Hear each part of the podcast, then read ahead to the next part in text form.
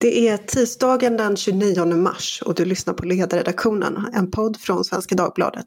Jag heter Paulina Neuding.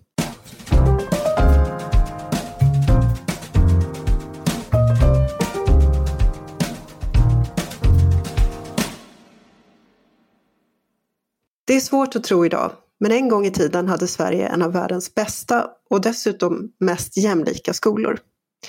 Och detta var inte något tillfälligt tillstånd. Den svenska skolans framgångsrika epok höll i sig under åtminstone 100 år, från 1860 och framåt. Ja, faktiskt in på 1990-talet. I själva verket var den framgångsrika skolan en grundförutsättning för att Sverige skulle gå från att vara ett av Europas fattigaste länder till ett av de mest välmående. Idag är den svenska skolan inte något föredöme. Vad som hände, vilka idéer som låg bakom nedgången och vad man kan göra för att vända skolan på rätt köl. Det ska vi prata om idag. Med Magnus Henriksson, professor i nationalekonomi, tidigare VD för Institutet för näringslivsforskning, en av Sveriges mest välciterade nationalekonomer. Författare till många böcker och nu senast till Dumbing Down, The Crisis of Quality and Equity in a Once Great School System and How to Reverse the Trend, som är skriven tillsammans med Johan Wenström, doktor i statsvetenskap. Magnus Henriksson, välkommen till ledarredaktionen. Mm, tack så jättemycket. Ditt arbete har genomgående kretsats kring de institutioner som bär upp marknadsekonomin. Nu skriver du ytterligare en bok om skolan. Din förra bok hette Kunskapssynen och pedagogiken och var skriven tillsammans med tre andra forskare. Varför ägnar sig en professor i nationalekonomi åt detta?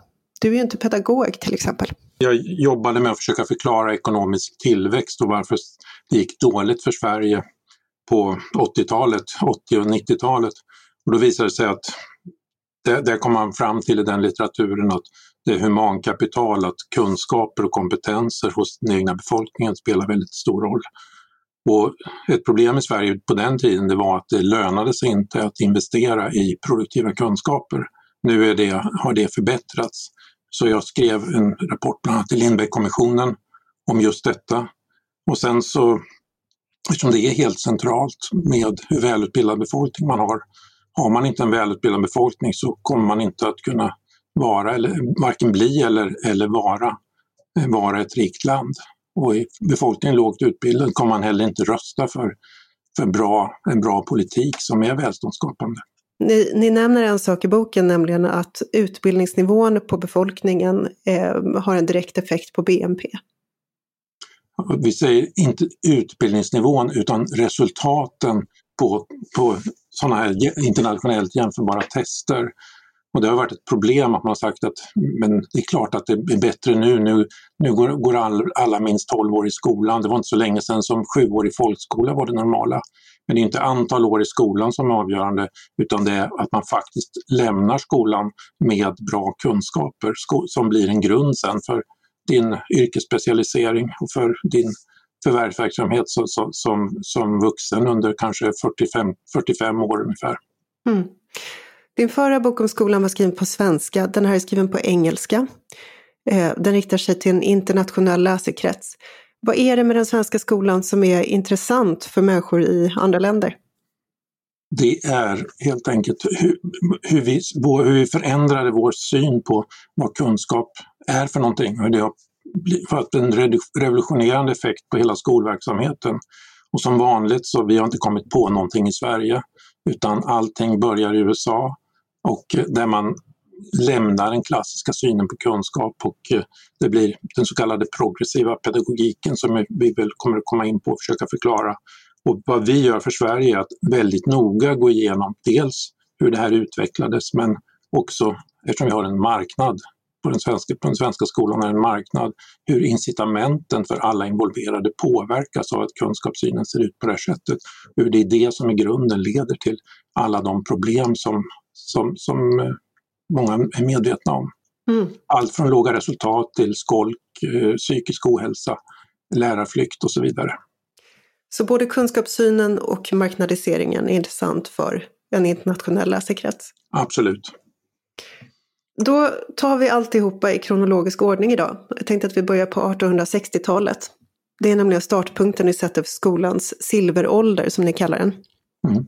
När jag tänker 1860-tal då tänker jag liberala reformer, ståndsriksdagens avskaffande, järnvägsbyggande. Men då finns det förstås då en faktor till som gör Sverige till, till det land vi känner det, nämligen skolan. V vad är det som händer i skolan under den här tiden? Vad som händer, vi inför visserligen folkskolan 1842 så alla går i skolan men det är kanske en slags kadaverskola kan man säga där där läraren står med visselpipa och man, man står och bara rapar upp det läraren har sagt. De lite mer begåvade eleverna undervisar de, de lite yngre. Mm. På slut, från slutet på 1860-talet och framåt så får vi en skola med var, varje elev blir en individ. Det, läraren undervisar eleverna, man har läxor, man lär sig så att säga, fundamentala saker och man övar på att använda det här så att det gör att man, även om man bara går 6-7 år i skolan, så är man mycket, mycket bättre förberedd än tidigare för arbetslivet och för att hantera sitt eget liv. Och det möjliggör att Sverige kan dra nytta av industrialisering, liberaliserade marknader, borttagen, stånds, borttagen av, av ståndssamhället och så vidare. Så mm. det, det, är en oerhört viktig del av alltihopa, är just att vi får en bra skola då. Sen är det inte så att den är inte perfekt, men den utvecklas över tiden mm. och eh, expanderar kraftigt under mellankrigstiden med realskola och naturligtvis läroverken och studentexamen på en, får man säga, hög nivå. Och eh, detta växer i volym och de som inte går in där så finns det många olika möjligheter till yrkesskolor av olika slag som gör att, eh, att eh, man kan hitta så att säga, sin produktiva roll i samhället på ett bra sätt. Mm. Om vi dröjer oss kvar där i det sena 1800-talets skola. En sak som jag tyckte var jätteintressant i boken det är hur ni beskriver övergången från Bell Lancashire-metoden till Herbart-Sillerismen. Kan inte du berätta vad det är för någonting? Bell Lancaster-metoden är alltså att man sitter, eller nästan kanske till och med står som en massa, och sen läraren står, står där framme och orerar och, och, och, sen, och sen så ibland använder en visselpipa för att få tyst på, student, på eleverna. Eh, och som jag sa, de duktigaste eleverna hjälper till och är, är hjälplärare men det är kadavermässigt och maskinmässigt och mekaniskt. Herbertsellerismen är någonting helt annat. Det innebär att varje elev får en egen bänk. Det är en systematisk undervisning i olika ämnen som, som man utkristalliserar sig som är bra, som var och en bör kunna, som, på vilket man sen kan med, med, de, med de baskunskaperna kan man sen bygga ett fungerande samhälle och det kan byggas på med, med yrkesutbildningar av olika slag. Men det betyder också att de som har minst utbildning, de har förhållandevis bra utbildning allting är ju relativt, men för sin tid väldigt, väldigt, väldigt bra. Mm. Och sen kommer andra världskriget och västvärlden kastas in i en existentiell kris. Ni nämner någonting som jag tycker är väldigt intressant, nämligen att hur nazismen och de idéer och mekanismer som ledde fram till förintelsen, hur de misstolkas systematiskt på ett sätt som får stora konsekvenser för den svenska skolan. Eller hur? Ja, Sverige var ju väldigt nära lerat med Tyskland. Vi var Sverige, svensk-tysk kultur var väldigt nära sammanlänkat. Sen hände det här hemska i Tyskland och då blir tolkningen att nazismen, den här nazismen kommer, sprang ut Tyskland som var högtstående, som hyllade bildning. Och då trodde man att, att det var på det sättet att, att det är den tyska bildningstraditionen, bildningsskolan, som skapade nazismen. När det i själva verket är så att nazismen bröt med bildningsskolan, lät så att säga barnen ta makten. Man hade förakt för de lärare som, som, som, som förmedlade viktiga kunskaper. Men i Sverige så tolkas det här som att, eh, att det, det leder till antidemokratisk utveckling. Vi riskerar att vi får icke-demokratiska elever eller vuxna människor om de går i en skola där vi inte direkt har en elevcentrerad pedagogik där vi undervisar direkt om, om demokrati snarare än att ge eleverna bra kunskaper för att kunna tänka själva. Och det här är förbluffande med tanke på att, att eh, de som byggde upp den svenska välfärdsstaten, den svenska modellen och Sverige som det mest egalitära och, och jämlika samhället i, i, i världen de gick ju i den här gamla skolan så det är förbluffande, hur kunde de då göra detta? Det är, liksom, det, det är, väldigt, det, det är helt enkelt ett missförstånd och det fick katastrofala konsekvenser. Mm. Och vad var det som hände? Vad gjorde man? Jo, då började man att gå ifrån kunskapsskolan och säga att eleven ska ta i hög grad kommandot över sin egen utbildning. Lärarens ska, roll ska bli mer av handledarens roll. Eleven ska inte vara knuten på samma sätt till läroböcker och, eh, inom, och jobba inom ramen för enskilda ämnen. Och sen ska elevens egna intressen och egen motivation i hög grad styra själva inlärningen. Och det går inte, till och med blev det så till slut att man påstår att det går inte att lära sig direkt från en, det går inte att överföra kunskaper direkt från läraren till eleven. Och det är, det är så, så fel som det kan bli att mänskligheten är just så framgångsrik på grund av att det går att föra över kunskaper direkt från den som kan till den som ännu inte kan. Om man däremot själv ska uppfinna hjulet så, så kommer man ingenstans på, på, från det man är fram till man är 18 år. Det säger sig självt. Så att det är väldigt märkligt att den här idéerna överhuvudtaget kunde få det genomslag som det har fått. Men som sagt, vi kom inte på dem själva utan det var vår variant av progressiv pedagogik, vår variant av det som utvecklades i USA. Och hur befästs den då i den svenska skolan? Är det i läroplaner eller på vilket ja, sätt? Det, det kommer en, en, en, stor skolutredning 1948 redan som leds av Alva Myrdal och Stellan Arvidsson. Och där slås det här i stort sett fast. Sen kommer det enhetsskolan, alltså att alla går i samma skola eh, fram till årskurs 9 och det finns nästan ingenting, inga val som man kan göra. Det kommer 62 och sen så är det ett antal läroplaner 1969, 1976, 1980 och så vidare där. Och 1994 framförallt, och då når det här sitt, sitt absoluta maximum, det här tänkandet. Så i läroplan efter läroplan, efter kursplan efter kursplan så förstärks det här. Och successivt så går ju de lärare i pension som, som utbildades under ett annat system och då blir det här fullt genomfört. För det finns ju ett stort motstånd för professionella lärare förstår ju naturligtvis att det här är dåligt. Men, så de håller emot så gott de kan, men den sista av dem har gått i pension, då, då det, finns det ingen som kan bära upp den gamla kulturen längre. Mm. Så att den här postmoderna kunskapssynen då som ni ställer mot den klassiska, hur, det, det låter ju när du, när du pratar om det att det inte finns någon inte, det går inte att överföra kunskap från lärare till elev, det finns ingen konkret kunskap, det finns ingen objektiv sanning och så vidare. Det låter ju oerhört stolligt. Ja. Eh, och ändå så får det så starkt genomslag. Hur, hur yttrar det, för att man ska förstå, liksom, hur yttrar det sig konkret i en undervisningssituation, att man ser världen på det här sättet? För det första, om man ska utgå från elevens egna intresse och motivation, då blir ju inte skolan kompensatorisk för elevens intresse och motivation. Var har den fått det ifrån? Ja, I första hand hemifrån. Så att, så att då blir man ju så att säga kvar vid sin läst. Då, då, då, då, då blir det ju inte möjligt, eller det blir väldigt mycket mer ovanligt med att man så att säga tar sig vidare från, från, från där man befann sig. Så då blir skolan snarare en ojämlikhetsmaskin som jag har kallat det vid något tillfälle, nämligen att det finns naturligtvis ojämlikheter när man börjar i skolan, men de kommer ju att förstärkas med, med det utgångsläget. Det är det ena. Det andra är ju att genom att man i grunden säger att det finns inga, eller väldigt lite helt säkra kunskaper, det minskar ju motivationen att lära sig saker och ting ordentligt. Trots att vi har byggt det här komplexa samhället, både tekniskt, eh, mycket organisatoriskt väldigt avancerat, det bygger just på att vi har handfasta kunskaper och metoder för att ratta det här samtalet, sam, samhället som vi har byggt och det här systemet som vi har byggt.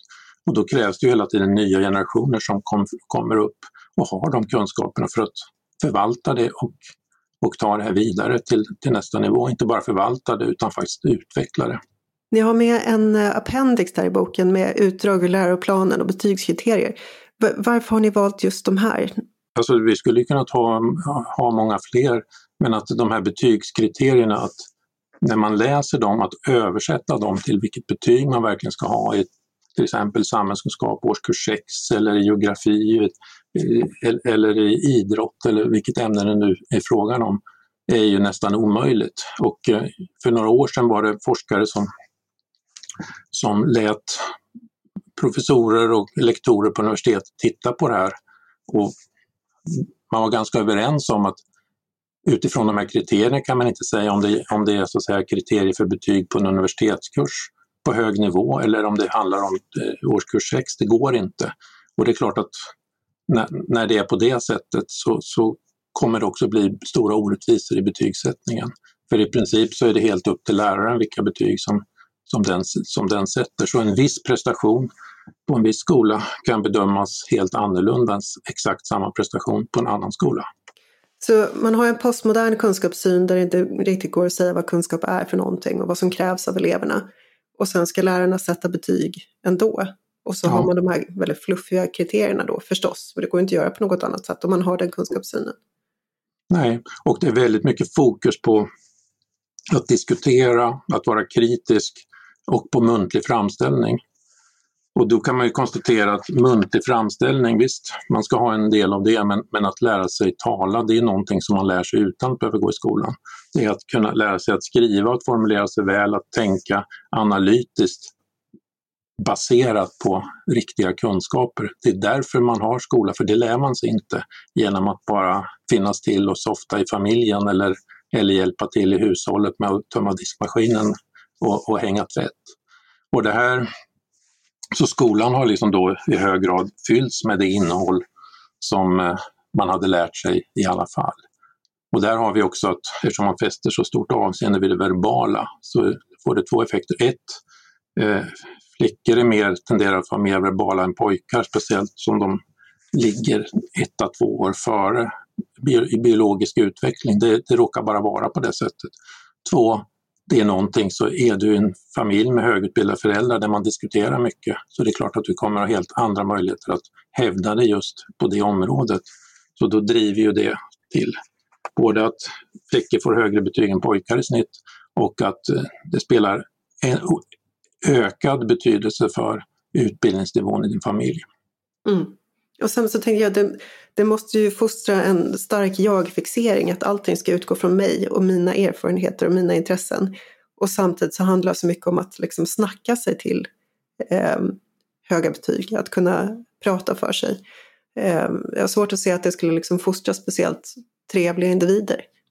Nej, alltså jag, jag-centreringen, det är nästan som man, man, har, man tror sig att ha någon romantisk syn att om vi sätter barnet på hög, i högsätet och, och vi, vi, kritiserar aldrig barnet, man får guldstjärna bara för att man kom till skolan i princip, då kommer det här bli ett, en väldigt eh, icke jag-centrerad person, generös person, altruistisk person som vuxen. Mm. Då kan man fråga sig, hur troligt är det? Var inte, om vi tittar återigen, de människor som idag är 80-årsåldern eller, eller kanske inte finns med oss längre, så är min uppfattning, jag växte upp med sådana människor, att de var väldigt lite jag-centrerade som vuxna jämfört med vad, vuxna är, vad, vad yngre vuxna är som mm. har gått i dagens skola. Så det, är, visst, det, det tycker jag empiriskt visar att det är inte på det sättet utan, utan du behöver ju, för att kunna bli en välfungerande vuxen, så behöver du ha auktoriteter som du ser upp till, inte, för, inte på grund av att du är rädd för dem, utan för att du förstår att de kan förmedla kunskaper och förmågor till dig som gör att du kommer bli en välfungerande vuxen och det kommer skapa en tacksamhet och en vilja att själv till nästa generation förmedla mm. samma sak. Men om du sätts i högsätet oavsett vad du gör och nästan att få guldstjärna för att du inte kom för sent till skolan, då, då, då vänds det här i sin motsats. Det här krokar i också frågan om skolan ska vara rolig jämt, om det ska, vara liksom, om det ska gå lätt att lära sig, om man ska hitta något sätt och alltid, att det ska bli intuitivt enkelt för barn att lära sig. Och här skiljer ni på det som är biologiskt primärt och det som är biologiskt sekundärt hos människan. Alltså till exempel att lära sig att räkna bra, om det hade varit väldigt enkelt, då hade ju mänskligheten varit jättebra på det för tusentals år, tusentals år sedan. Men eh, när, när, man har kommit till, till eh, stammar som inte haft kontakt med, med, med den mer utvecklade världen så, där, där, räknar man ju bara, sällan har man bara räknat en, två, tre, många ungefär. Mm. Och eh, här i, i, så att säga, i, väst, i västerlandet så börjar man, alltså man hade romerska siffror till exempel, de går inte att använda för räkneoperationer överhuvudtaget. Så, så att det krävdes de arabiska siffrorna för att man skulle kunna göra det. Mm. Eh, siffran 0 uppfanns i Indien ungefär 500 efter Kristus. Den är helt för nödvändig för att man ska kunna räkna på saker och ting. Och då förstår man ju att tog det mänskligheten så många tiotusentals år att ens komma på de här sakerna, då är det ingenting som är biologiskt programmerade att, att bara kunna sådär. Och, utan det kräver då alltså ansträngning för att du ska tillgodogöra dig det här. Och det som är ansträngt, det, är väldigt, det gör ju att det som, mycket av det som du måste, ska lära dig i skolan är väldigt kul att kunna och väldigt, väldigt skönt att kunna, men anstränga sig att, att lära sig eftersom det inte, vi inte är biologiskt programmerade för att enkelt lära oss de sakerna. Om vi tittar igen på de här två olika kunskapssynerna, den klassiska och den postmoderna, i vilka länder dominerar respektive syn? Den klassiska och systematisk utbildning, det startade ju då, vi sa i Sverige på 1860-talet, det startade i Tyskland ungefär samtidigt.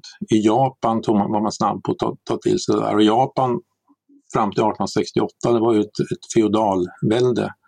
1904 så besegrade man Ryssland i, i rysk-japanska kriget och, och, hade liksom tagit, gått från medeltida feodalsamhälle till ett high-tech-samhälle för sin tid på, på 35 år, bara när man startade med, med riktig utbildning.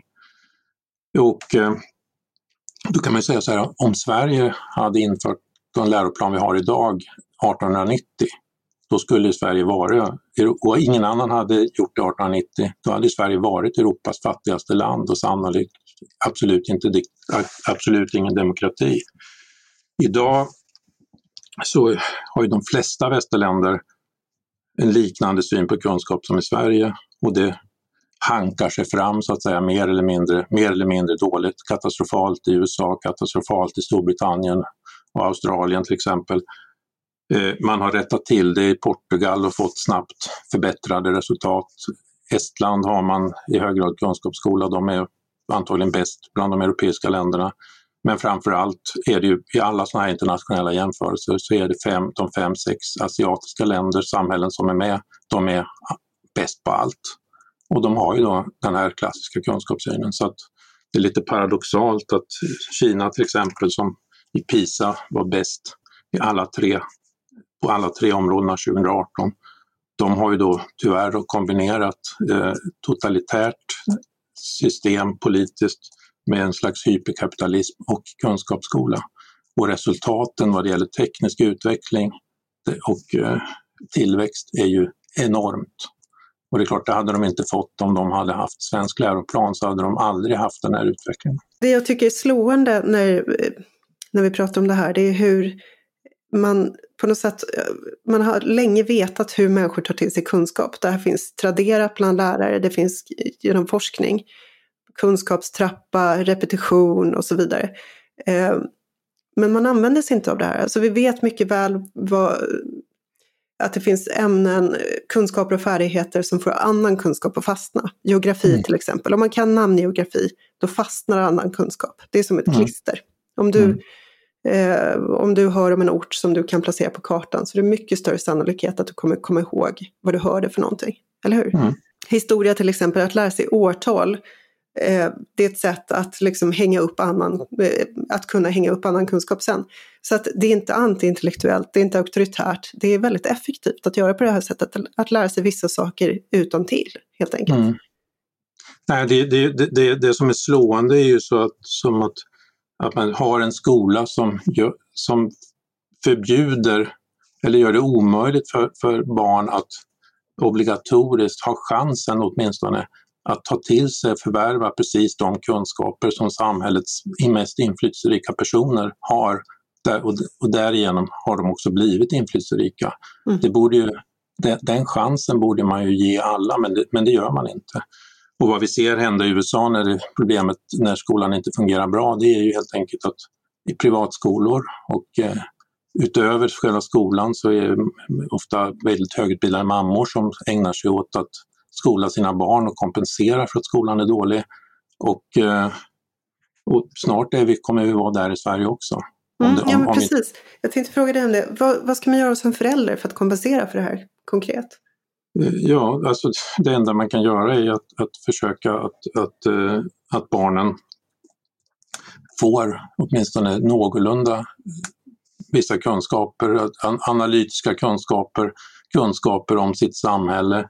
Och eh, så att när de är 18-19 år och tar studenten så, så står så att säga möjligheten, då är de på tillräcklig kunskapsnivå för att faktiskt kunna ta till sig en, en eh, avancerad utbildning om det är det de vill göra eller bli duktiga på någonting annat. Så, så att, eh, det, det, men, men det är ju ett enormt slöseri att förr i tiden så behövde inte föräldrarna tänka på det här utan skolan skötte den delen och sen så kunde föräldrarna syssla med sina saker. Nu blir det en enorm orättvisa med de som har föräldrar som kompenserar för att man gör fel saker i skolan. De kommer liksom dra ifrån. Mm. Men eh, den, om det ofta är den förälder som lägger mest tid på det här kommer då att lägga motsvarande mindre tid på att använda sina yrkeskunskaper för att bygga samhället. Mm. Ska jag ta ett autentiskt exempel med en elev som kommer hem. Idag lärde vi oss om X på historien och det gick ut på att vi fick sitta vid våra datorer och söka information om X. Eh, och det här tror inte jag är ovanligt att föräldrar får höra. V vad är problemet med det? det är, intuitivt kan man ju tänka sig att det, att det är effektivt att söka information själv och att den kanske fastnar bättre om man har fått leta efter den. Vad säger du?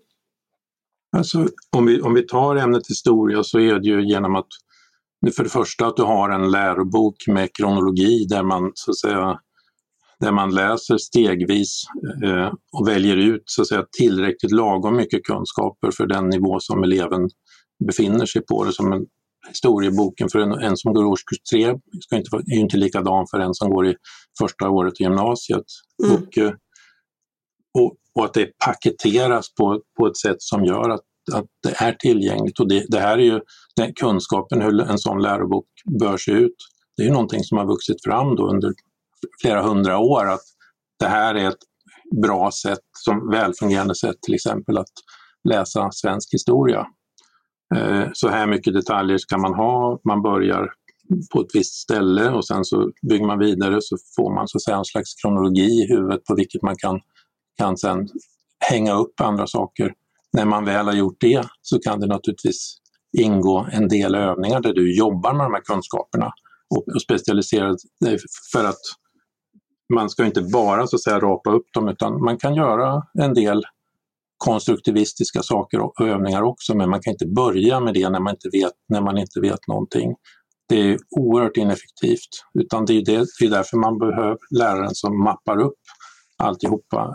Och sen, sen läser man själv och sen så övar man på det och kanske läxa på det och lär sig det ordentligt, har en skrivning som, som gör att man så att säga, på riktigt skärper till sig och ser till att kunna det riktigt bra vid ett, vid ett tillfälle. Sen bygger nästa kurs vidare på det som man har lärt sig innan och då, eftersom man då associerar bakåt, så förstärks och befästs de här kunskaperna. Sen har man med sig dem hela livet, men om man bara gör huller om buller nedslag så kommer man till slut inte veta om Gustav Vasa var född före eller efter Kristus. Mm. jo, men det här huller om buller, det måste ju skapa stress också. Alltså man, Eh, man ställer krav på eleverna som eleverna inte är kognitivt färdiga att leva upp till. Samtidigt som man inte kräver sånt som de skulle klara av. Lära sig vissa årtal utan till till exempel. Precis, precis att eh, man säger att de ska göra saker som de inte klarar av men de vet ju heller inte vad som krävs för att nå ett godkänt resultat eller för att nå det betyg som man hoppas att man ska kunna få. Så att man vet heller inte vad en bra prestation är för någonting. Och låt oss fundera på om man själv som vuxen skulle ha en chef som, som bedömer dig men inte har talat om riktigt, alltså inte tydliga instruktioner vad arbetet går ut på och sen så försöker så gott du kan att utföra arbetsuppgifterna men eh, sen visar det sig att eh, det sätt som de bedömningskriterier som man använder, de, de förstod du ändå inte, men du blev ändå bedömd. det kommer ju leda till en arbetsplats med väldigt mycket sjukfrånvaro och väldigt mycket psykisk, psykisk ohälsa. Jo, alla som har lagt upp en träningsplan någon gång vet ju att man ska ställa upp mål och delmål och så vidare ja. och kunna pricka av.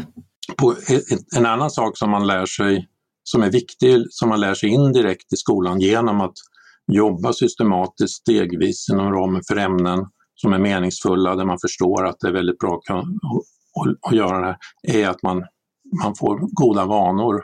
Man lär sig koncentration, man lär sig uthållighet, man lär sig att göra saker även om de inte alltid är kul och så vidare. Det kallas för icke-kognitiva färdigheter eller man skulle kunna kalla det för karaktär.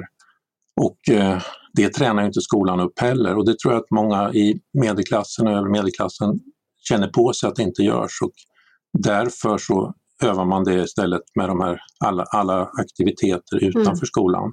Så fotbollen, pianospelet, ridlektionerna, ridlektionerna mm. det är ett sätt att öva upp den här, den här karaktären som man annars fick automatiskt i skolan förr i tiden. Och det är klart att det här kräver stora föräldrainsatser, kostar ofta mycket pengar och där driver också ojämlikheten i vuxen ålder hos de som hade föräldrar som kompenserar på det här sättet och de som inte hade det. Precis, eh, det, det här med icke-kognitiva färdigheter kan ju i hög grad kompensera för begåvning och, sociala förutsättningar. Så att det här finns ju verkligen en, en jämlikhetsskapande sak om man använder det på rätt sätt. Alltså det finns jättebra svensk forskning faktiskt som, som visar att eh, icke-kognitiva färdigheter som uthållighet, eh, punktlighet och, och, och, den typen av emotionell stabilitet, att det faktiskt är viktigare. Att du kan inte hög IQ kan aldrig kompensera för dålig karaktär. Utan, utan Sverige, det, Sverige finns det nog antagligen väldigt många högbegåvade människor som inte har lyckats bra. Och det är, det är ju fruktansvärt att tänka sig det, för de hade, de hade vi verkligen behövt och ha nytta av för att utveckla ny teknik och att eh, sitta på en kommun och, och, och ansvara för IT, det nya IT, IT-programmet som ska, som ska implementeras, som, som inte blir välgjort och sådär. Så att, mm. eh, det finns hur många arbetsuppgifter som helst men, men många av dem hamnar snett på grund av att de helt enkelt inte får tillräckligt mycket tuggmotstånd i, under sin skoltid och därmed eh, spårar ur. Mm. Du är ju själv en produkt av den gamla skolan eh, i hög grad. Och du nämnde en sak när vi pratade för flera år sedan så sa du att du hade inte kunnat göra den klassresa som du gjorde i ditt liv om du hade gått i den nuvarande svenska skolan.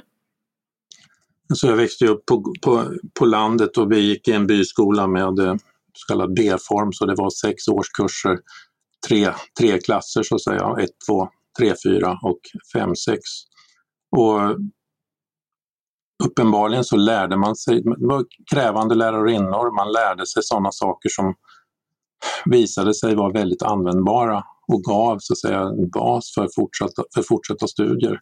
Sen kom jag in till Vadstena och eh, det var inte så länge sedan som realskolan var nedlagd så att de flesta lärarna var gamla realskolelärare. Och eh, det var också bra krav trots att det var egentligen enhetsskolan så drabbades vi inte fullt ut av det på grund av det där. Och sen eh, kom jag till, lär till läroverket eller gymnasiet i Motala på naturvetenskaplig linje och eh, där gick de som var mest ambitiösa och konkurrensen var stenhård så man jobbade stenhårt för att, för att överleva och, och hävda sig. Och sen, jag var ett år yngre så jag, jag var knappt 18 när jag tog studenten. Och utan att veta om det, jag, jag, läste egentligen ingenting för att jag skulle bli bildad eller för att vara fint, utan jag lärde, läste för att jag ville klara mig bra. Men då när jag var 18, då förstod jag, wow, gud vad jag kan mycket. Jag kan bli vad jag vill och hela världen står öppen. Men hade, hade läraren sagt att det är du som avgör själv vad du ska göra för någonting mm. och ribban ligger på marken, då hade jag ju snackat mig igenom skolan och inte kunnat någonting och då hade jag som 18-åring inte haft den här möjligheten att göra det som jag har kunnat göra nu. Utan mm. det, nu, nu, ser man ju den enorma skillnaden mellan landsorten och, och storstäderna. Alltså områden, storstäder med, med högutbildade föräldrar, där blir det ändå någorlunda, någorlunda vettigt. Medan i landsorten om det är inga som trycker på och eh, kanske inga lärare kvar som förstår längre hur mycket ett, ett barn kan lära sig. Då, och man kanske inte har några läroböcker utan man sitter med iPads på det sätt som du beskriver när man läste historia. Då går man igenom en hel skolan i, i 12-13 år och kan väldigt lite. Man kan till och med ha jobbat rätt så mycket men om man gör fel saker så, så lär man sig nästan ingenting ändå. Mm. Då, då hamnar vi som man, vi skrattade då när man var ute och tågluffade på 70-talet och träffade amerikaner och, som hade ingen aning om, om vad är Paris Europas huvudstad och så här kunde de säga. Eh, och det var ju självklart att vi som svenskar visste mycket bättre vad USAs folkmängd var än, än en amerikan visste, en amerikan i motsvarande ålder visste. Vi hade fått någon slags fundamentala kunskaper som gjorde att vår förståelse för världen var på en helt annan nivå. Och nu, och de, för de låg 20-30 år före oss i form av, när det gäller så att säga, progressiv pedagogik. Så, så att, eh, vi hade helt andra förutsättningar. Jag minns det var rätt många, jag gjorde det inte, men rätt många som var så kallade AFS-stipendiater och ett år på high school och det gjorde man efter ettan i gymnasiet. Ofta gick de i och för sig på naturvetenskaplig linje, men då kom de till Kansas eller någonting, så gick de där och då gick de sista året på high school, alltså avslutningsåret och de slutade alltid som bäst i klassen. Mm. Och man kunde inte förstå hur det gick det till. Ja, det var inget svårt för att de behövde inte lära sig, de var, kunde vara bäst i klassen i stort sett på basis av de kunskaper som de redan hade med sig efter att ha gått ut ettan på naturvetenskaplig linje i Sverige 1975. Mm. Så, att, så, att, eh, så, så, här var det, så att, och att vi då skulle adoptera det amerikanska systemet, det är ju, jag vet inte, det är makabert. Om, vi, om du kan ge oss några datapunkter så vi kan orientera oss, hur dåliga är svenska elever? För det första är det ju så att vi följer dramatiskt den stora PISA-chocken 2012 Sen finns det ju viss uppgång, uppgång sedan dess, men å andra sidan så, så har ju Sverige uteslutit alldeles för många. Antingen har de exkluderats på felaktiga grunder. Och, och så är det också så att frånvaron har varit väldigt hög på de senaste, så det är svårt att bedöma. Det, det, men det är ändå så att trots att det antagligen de exkluderade och de frånvarande har antagligen, skulle antagligen haft väldigt svaga resultat. Men trots att många av dem är borta så ser det alltså ut så att ju längre ner i fördelningen, ju svagare elever, desto sämre är de i förhållande till motsvarande svaga elever i andra industriländer. Så att de svaga klarar sig relativt sett sämre än de bästa. Så att säga. Så i den, i den mån som resultaten har förbättrats lite grann så har det att göra med att, att de, den bättre fjärdedelen och den bättre tredjedelen har skärpt sig. Och det, det, är inte så konstigt skulle jag säga för att det är sådana med föräldrar och bakgrund där man har börjat inse att vi måste göra någonting för att våra barn inte, de måste lära sig för att kunna, kunna hantera sitt, sitt vuxenliv. Och det, så det driver ytterligare ojämlikhet. Mm. Och de duktigaste eleverna gör också om vi, om vi tittar på de stora linjerna så gör de duktigaste eleverna också sämre ifrån sig i Sverige nu än förr. Eh, eh, absolut, de har förbättrat sig lite men de gör absolut sämre och i förhållande till de asiatiska länderna så är det en enorm skillnad. Mm. Om vi tittar på snittet bland de 5% bästa i matematik i Singapore eller Korea jämfört med de 5% bästa i matematik i Sverige så är det, det är en himmelsvid, himmelsvid skillnad. Och eh, då, då, är det mycket lättare att förstå varför vi har Samsung, Huawei och de företagen som på nolltid blir bäst i världen på, på, det de, på det de gör. För det finns så många välutbildade personer som kan, som kan utveckla, som kan driva den tekniska utvecklingen i de här länderna jämfört med i väst. Mm. Men jag menar problemet är, är, kanske ännu större naturligtvis i, i länder som Grekland och Italien och så vidare. Så, så att så att eh, jag skulle säga att i huvudsak handlar det om att i väst så är, så är problemet stort. I USA är det jättestort men de sämsta, svagaste eleverna i Sverige är ungefär lika svaga som de svagaste eleverna i USA. Och eh, när man startade de här testerna för 20-25 år sedan, då var de svagaste eleverna i Sverige oerhört bra jämf i jämförelse med de svagaste i USA. Mm. Men det här, är alltså, det här är en sjuka i hela västvärlden i princip, den här postmoderna mm. eh, kunskapssynen. Eh, och har fått genomslag över stora delar av västvärlden. Sen så kommer det här unikt svenska med marknadiseringen. Mm. Du pratar om en perfekt storm där. Ja, den perfekta stormen, marknad sk skulle ju kunna fungera om det är så att man vågar definiera vad den bra produkten är. Och, och med en traditionell kunskapssyn så, så vågar man ju ha så säga, kursplaner som säger konkret att det är det här som man, som man förväntas lära sig. Och då skulle man ju ha en extern, det skulle man kunna ha en skolmyndighet som i princip satte betygen som det var på den gamla svenska studentexamen. Det var ju så att du kunde gå upp på studentexamen fram till 1968 som privatist. Det vill säga du behövde aldrig gå i skolan. Du kunde, det var ingen som det var irrelevant hur du inhämtade kunskaperna. Du kunde gå och säga nu vill jag examineras för studentexamen, så kunde du göra det. Du har aldrig satt din fot i en skola därför att staten i det fallet vågade bestämma vad det, vad, vilka kunskaper det var som man examinerade. Jag, jag, tänker det, det måste ju kräva extremt tydliga eh, kunskapskriterier. Ja, och, och det är så en läroplan i Singapore som är toppresterande, så den ser ut, väldigt tydliga kursplaner och sådär.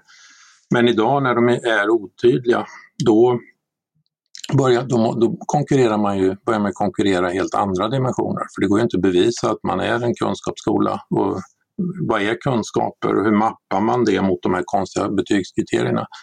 Och då, då konkurrerar man på andra sätt genom att framstå som cool eller, eller att, att, man får, att man får bättre dator på den skolan, om man har bättre utsikt eller man har förlagt undervisning så det är lätt att ha ett, extra, att ha ett deltidsjobb samtidigt när man går på gymnasiet. Eller att, man kan, eller att de bjuder på körkortsundervisning eller vad det nu kan vara för någonting. Och naturligtvis att de skaffar sig ett rykte om att här är det, bra, här är det lätt att få bra betyg.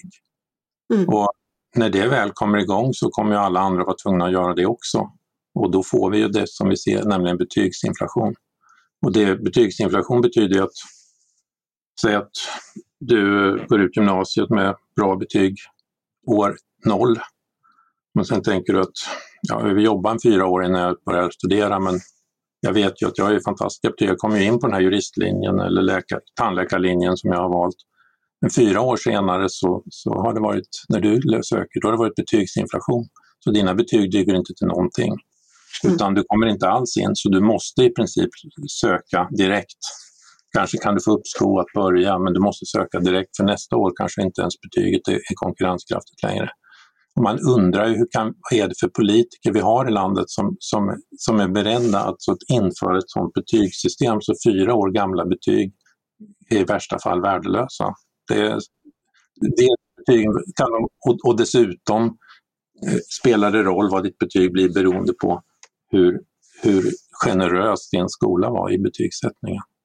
Ja, ni har ett väldigt talande diagram i boken där man ser eh, två kurvor. Det ena är eh, kunskaperna som går neråt och sen den andra är betygen som går uppåt. Det ser ut som ett kryss. Liksom. Ja.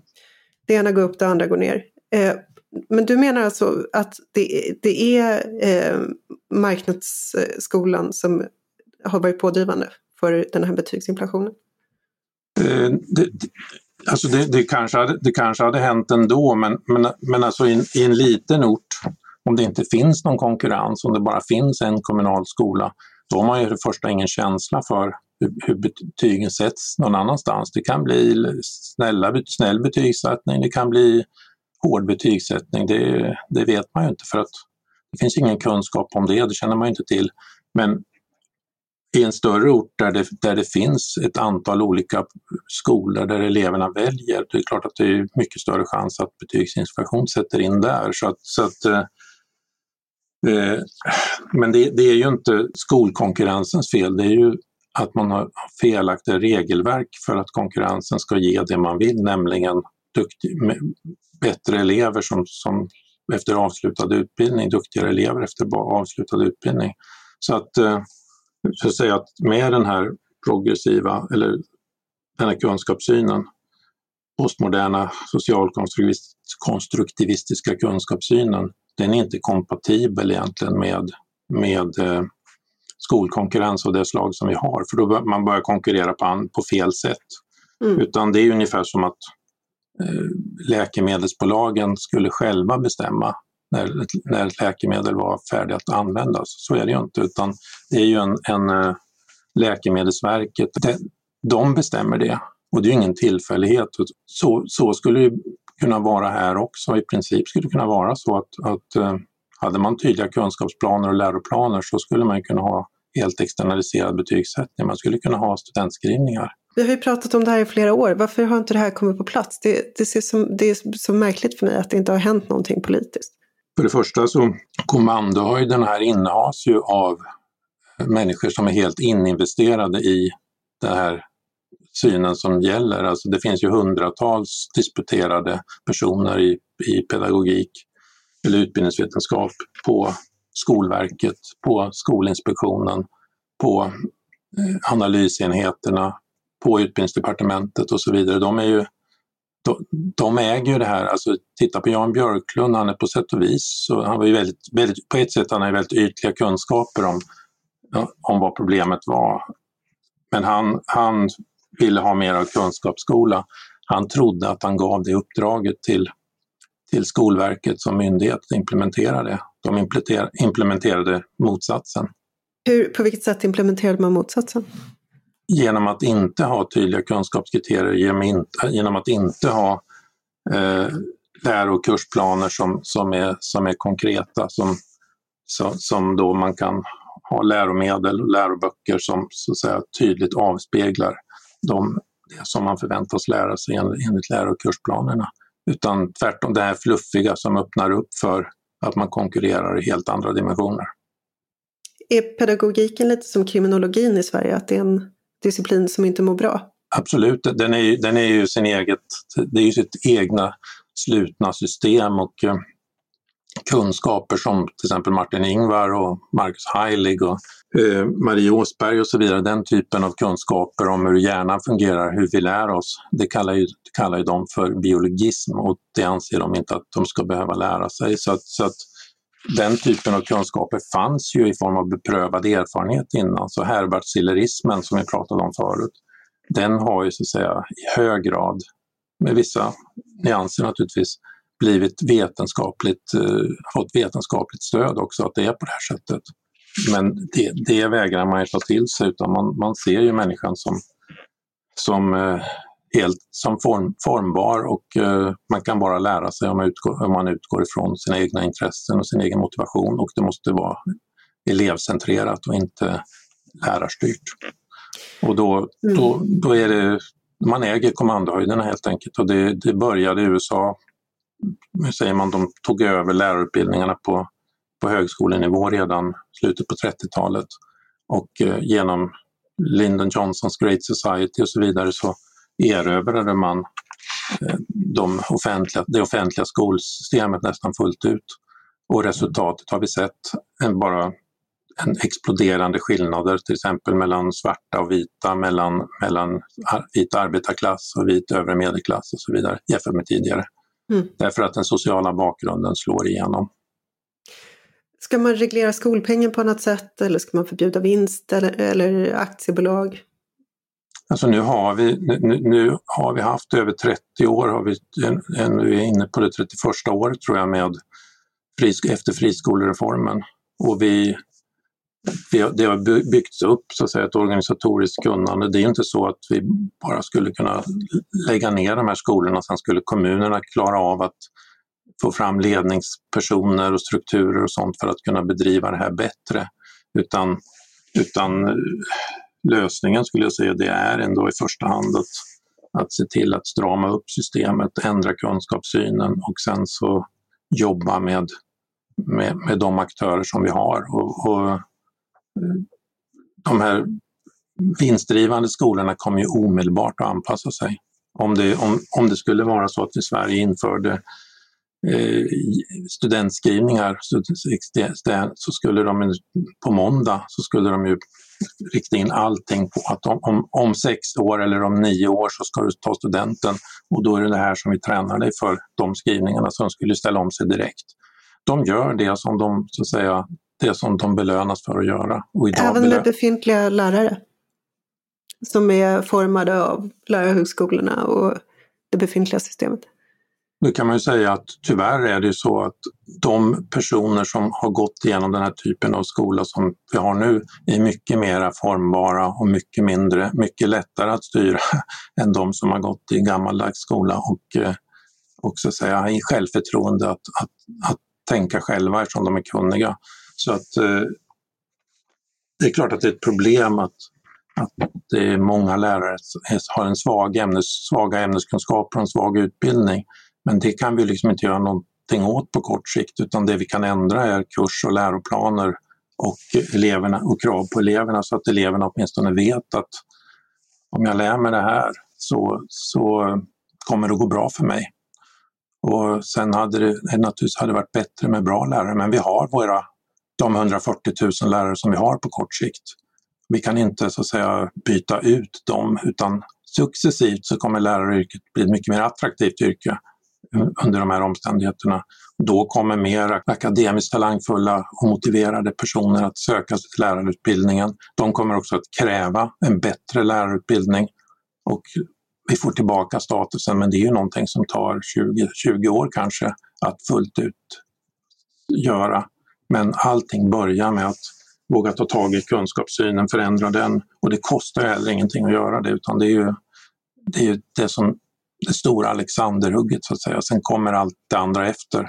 Mm. Men eh, vi ser ju i, i, i Portugal att man gjorde reform 2011 det blev genomslag direkt i, i PISA 2015 med fantastiska förbättringar. Tyskland eh, hade sin PISA-chock i början på 2000-talet, genomförde inte lika, inte lika kraftiga förändringar tror jag som i Portugal, men resultaten steg upp direkt. I Frankrike har man gått i motsatt riktning med katastrofala effekter på, på resultaten i Frankrike. Och eh, Tyskland, eller på senare år har ju Finland gått i svensk riktning. Och I vissa delar av PISA så är faktiskt Finland det land som har försämrat sig mest av alla länder när man började göra som Sverige. Och intressant nog, den som driver det här, drev det här, som är stark i Finland, han heter Pasi Salberg. Naturligtvis när Anna Ekström startade sin skolkommission, den finländske pedagog, professor som representerade finsk skola, det var just denne Pasi Salberg. Mm. Vad, vad, gjorde man konkret i Portugal? blir man ju väldigt nyfiken på om det fick genomslag direkt på det där sättet. För det första att man började, att engelska blev ett obligatoriskt ämne eh, och konkreta kurs, kursplaner med, med tydligt innehåll, med, med tydlig progression. Så det är så att, att eh, man får någon slags eh, standardisering så man, man försäkrar sig om att, att skolorna faktiskt eh, gör rätt saker. Annars så i ett decentraliserat system så kan det i praktiken bli hur dåligt som helst om man inte har kontakt med andra, om man är en isolerad kommun. Så att det var, fick väldigt stor betydelse. Så att om jag förstår det rätt så finns det ett Alexanderhugg och det är inte förbjuda vinster eller aktiebolag eller så utan det är att byta kunskapssyn i den svenska skolan. Ja, och att centralisera det här så att det inte ska vara upp till varje skola eller varje kommun hur man gör utan väldigt tydliga krav på vad man ska kunna och väldigt tydliga krav på vad man ska kunna för att få vissa betyg. Ja, ja absolut. Då, då blir det så. Istället har man satt igång att, att kontrollera processen. Men hela idén var ju tvärtom med, med faktiskt konkurrensen att man, man kommer att göra det här på lite olika sätt och den som visar sig göra det lite bättre den kommer få bra resultat och då kommer andra att imitera det så som det fungerar på så att säga, van, vanliga marknader och så, så blir alla lite bättre och eh, Visst, en del skolor kommer vara bättre än andra skolor, men det är viktigt att den sämsta skolan också är en bra sko ganska bra skola. Och det, så skulle det bli med, med, med förändrad kunskapssyn, men det som man gör idag är ju hela tiden att när man har dåliga resultat så säger man att medicinen är den rätta, men doseringen är för liten, är för låg, så vi måste slänga in mer pengar. När det visar sig att de här bästa länderna, om man tittar på antal personal per elev till exempel eller klassstorleken och så, så de här absolut bästa länderna i Asien, de gör av med mindre, mindre utgifter som andel av BNP, de har större klasser och de har färre personal i förhållande till elevantalet på skolorna. Så det handlar inte om det utan det handlar om att göra rätt saker. Och när man väl gör rätt saker, då kommer det naturligtvis finnas en och annan som fortfarande har ADHD, en och annan som fortfarande har väldigt svårt att lära sig, då kan man, ska man sätta in resurser för att hjälpa dem tidigt, så tidigt som möjligt på, på ett adekvat sätt. Men eh, nu är det så att upp till 13 procent av pojkarna i, tror jag är i något län som, som får ADHD-medicin.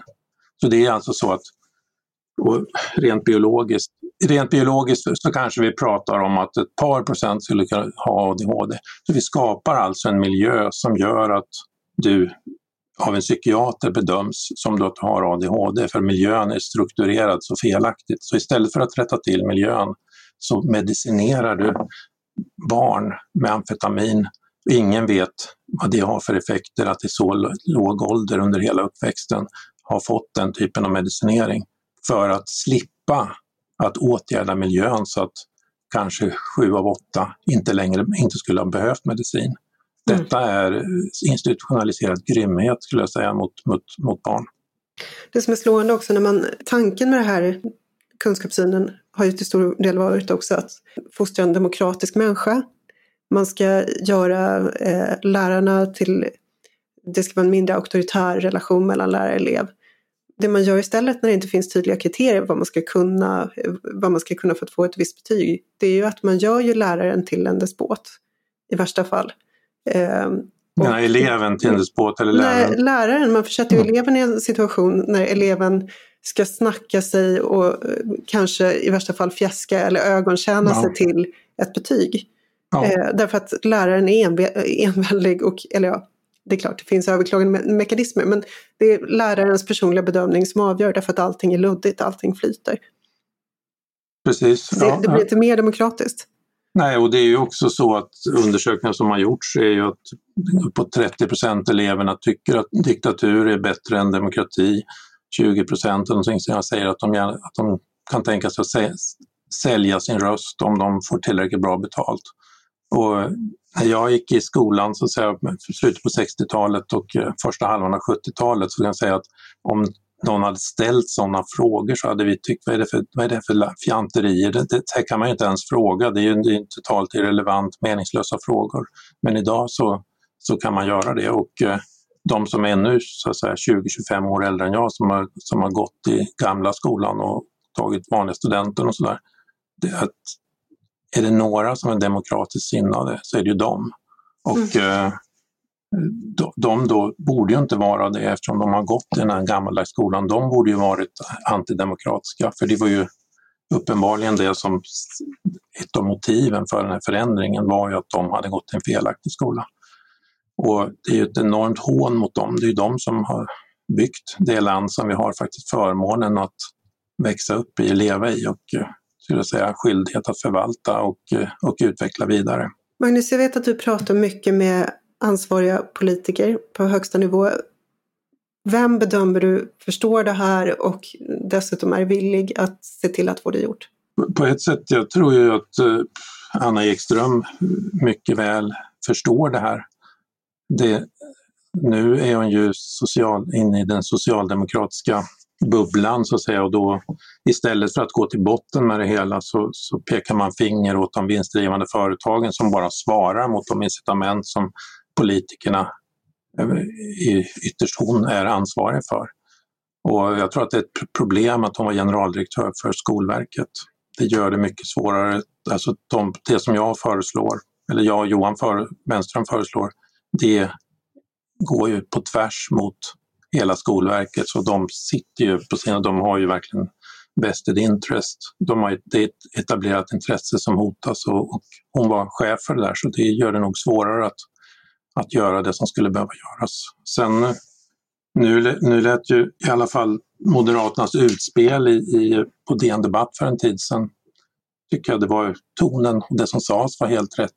Men därifrån till att för det första måste de ju få regeringsmakten och det är väl ganska låg sannolikhet. Och eh, även om man får regeringsmakten så måste man som ansvarig politiker faktiskt klara av att ta kommandot över de här resurserna och genomföra detta. Och det är ett stort, hårt jobb och det, må, det görs i motvind så då måste man ha ett team som, som åstadkommer detta och då måste man verkligen säga att nu är jag ute, jag vill göra något riktigt stort som betyder mycket för Sverige.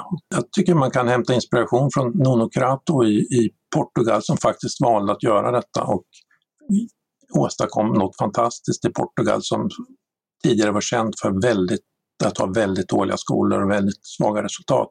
Så att det går, det är kanske det av alla områden som det är, finns det största klippet att göra eftersom man inte behöver några extra pengar utan snarare kommer det bli billigare sen så att det behövs inga pengar för att göra det. Det behövs bara så att säga mm. omställning. Det låter hoppfullt mitt i allting. Det finns Absolut. faktiskt någonting som kan göras. Det är inte för dyrt. Det är inte det som är problemet. Nej, nej utan bok, vår bok är ju heter And how to reverse the trend är ju så att säga mm. sista delen av, av titeln och det finns där. Lösningen finns. Lösningen på skolans problem finns där. Tack så mycket Magnus Henriksson för att du var med oss i podden idag och tack till dig som har lyssnat. Du får jättegärna höra av dig till oss med ris, ros eller förslag på vad vi ska ha med härnäst i podden. Tekniker idag var Jesper Sandström och jag heter Paulina Neuding. Vi hörs snart igen.